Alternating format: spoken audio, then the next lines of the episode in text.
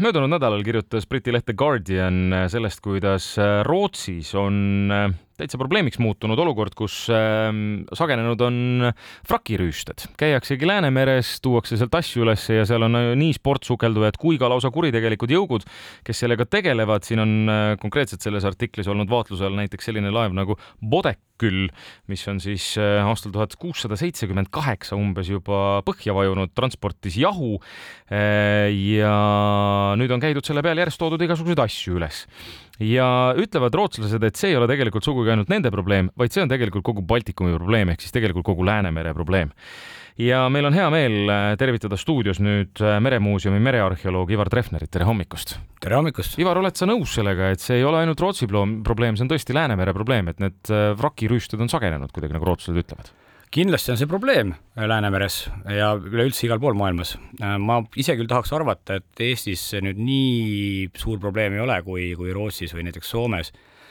ja ma ei oska hinnata, kas nüüd seal Rootsis on see sagenenud või sedasi, aga võib-olla on ta rohkem sealt meediapilti jõudnud, selline teema aga ütleme nii, et, et Eestis ma pigem arvan, et on olukord üsnagi hea mm. veel Äh, kuidas tegelikult äh, näeb välja selline vraki äh, rüüstamine, millist informatsiooni on vaja ette, millist varustust on vaja, see on ikkagi ju päris keeruline operatsioon.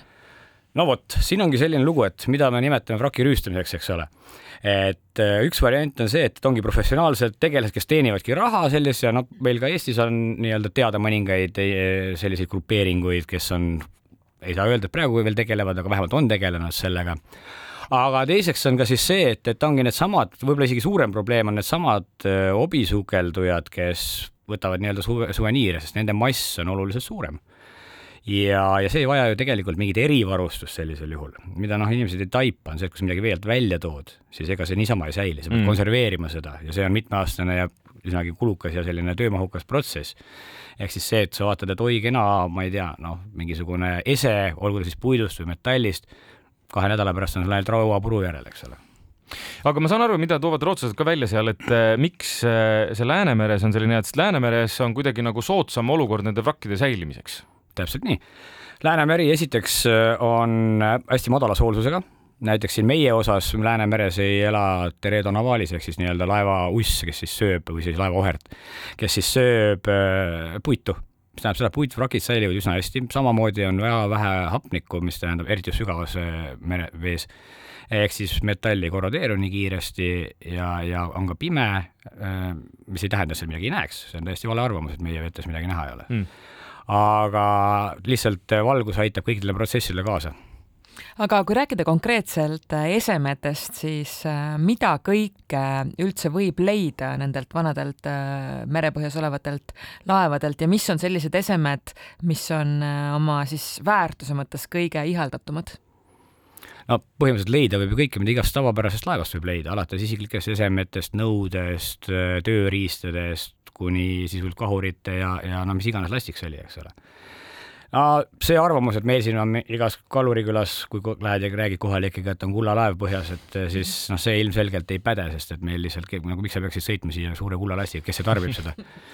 Et pigem oli ikkagi selline vorst vorsti vastu kaubandus, et veeti noh, ütleme siis siit minema toormaterjali ja toodi siia siis sellist, mida meil ei olnud, no näiteks väga tihe kaubandus oli siin näiteks sakslastega ja, ja ka hollandlastega, kes vedasid siia näiteks eh, veini ja, ja riiet, noh, mis ilmselgelt väga hästi vee all enam ei säili mm. -hmm. aga see veinipudel võib olla päris hinnaline seal juba?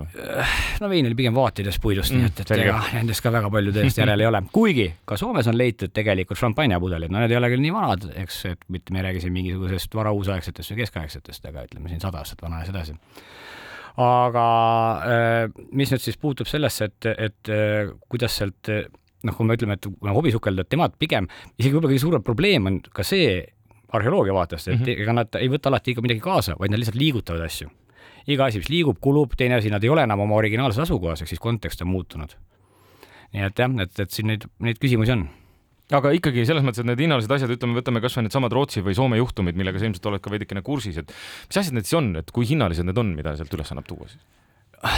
ja no vot jällegi, kes sul, mina ei ole selle nii-öelda järelturu ekspert, aga, aga no mida siin on toodud, kui, kui mäletate siin üheksakümnendate lõpus või, või kui oli veel kadakaturg, siis näiteks illuminaatoreid müüdi seal oh., eks ole. noh, kas nad nüüd on võetud merepõhjast või mõnelt eh, nii-öelda lammutusele läinud laevast, see on omaette küsimus. küll aga on äh, aja jooksul käinud läbi või selliseid nii-öelda tellimusi tehtud kahuritele, eks ole, sellistele just vanadele pronksist valatud kahuritele ja, ja ka kõiksugu muud noh, igasuguseid nõud näiteks mm, -hmm. mis iganes, olgu see siis mingid taldrikud, noh, ühesõnaga kõik, mis nagu säilib lihtsalt ja hästi, eks ole, noh, selle portselani ja klaasiga ei juhtu seal suurt midagi. Äh, kuidas tegelikult on korraldatud äh, vrakkide valve?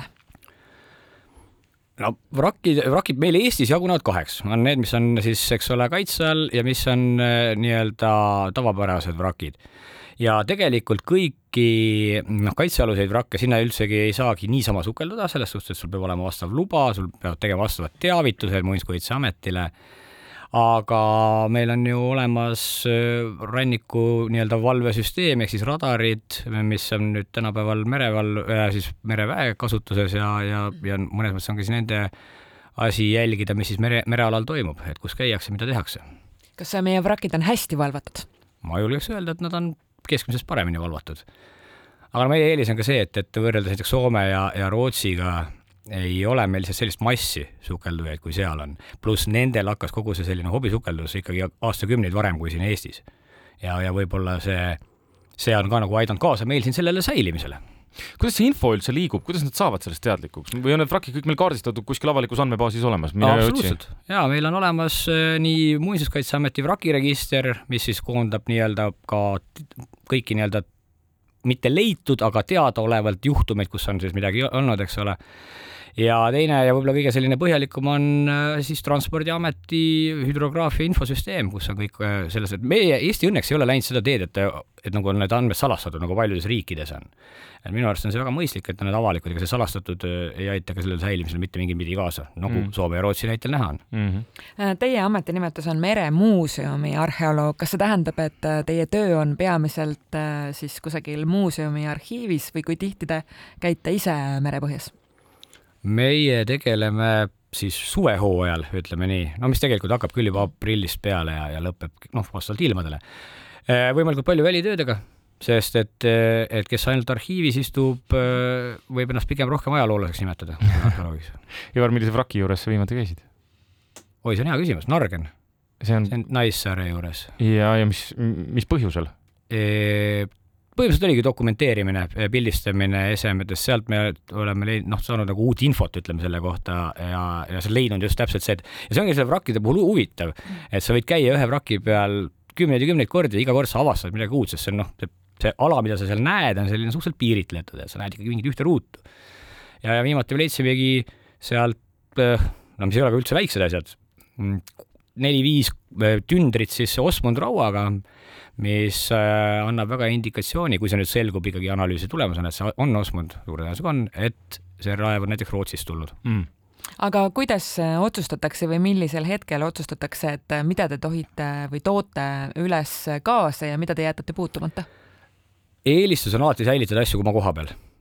Alati ei ole see selles mõttes võimalik, vahest on vaja võtta nendest dendroproove ehk siis puiduproove, et aru saada, kus see laev on ehitatud ja millal ta on ehitatud samamoodi näiteks selle Osmondi puhul, et mingisuguse proovi me peame sealt kaasa võtma, et ikkagi oleks nii-öelda teaduslik põhjendus, et tegu on äh, siis selle Osmondiga. ja ega see otsus käibki selle järgi, et kas see annab meile mingit äh, teadmist, uut teadmist ja ka seda, et kas see teadmine kaalub üle nii-öelda selle vraki kahjustamise. no siis me teeme loomulikult taotluse Muinsuskaitseametile, kellelt me saame loa sellise tegevuse jaoks ja nii ta läheb. kas meil Eesti vetes on veel avastamata palju? ma loodan küll ei oska öelda, kui kuna pole leitud, aga ütleme nii, et, et tõenäoliselt, sest et, et noh, transpordiamet, kes tegeleb siis sellise lauskaardistamisega, merepõhja kaardistamisega, leiab ju tegelikult iga aasta järjest uusi uusi vrakke ja kokkuvõttes ilmselt peab ikkagi ka mainima seda ära, et see on kuritegu, vrakivrüüste on kuritegu ja sellele järgneb karistus. absoluutselt. Need karistused on kui suured?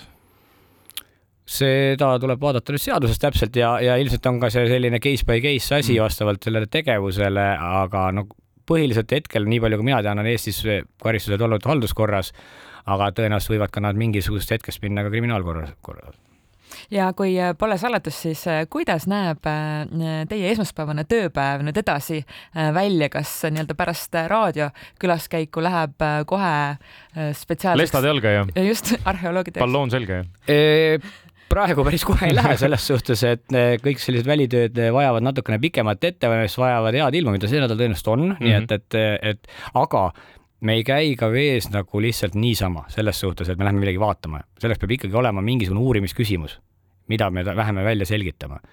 nii et, et tõenäoliselt siin äkki nädala teises pooles on küll minekut, aga täna veel mitte.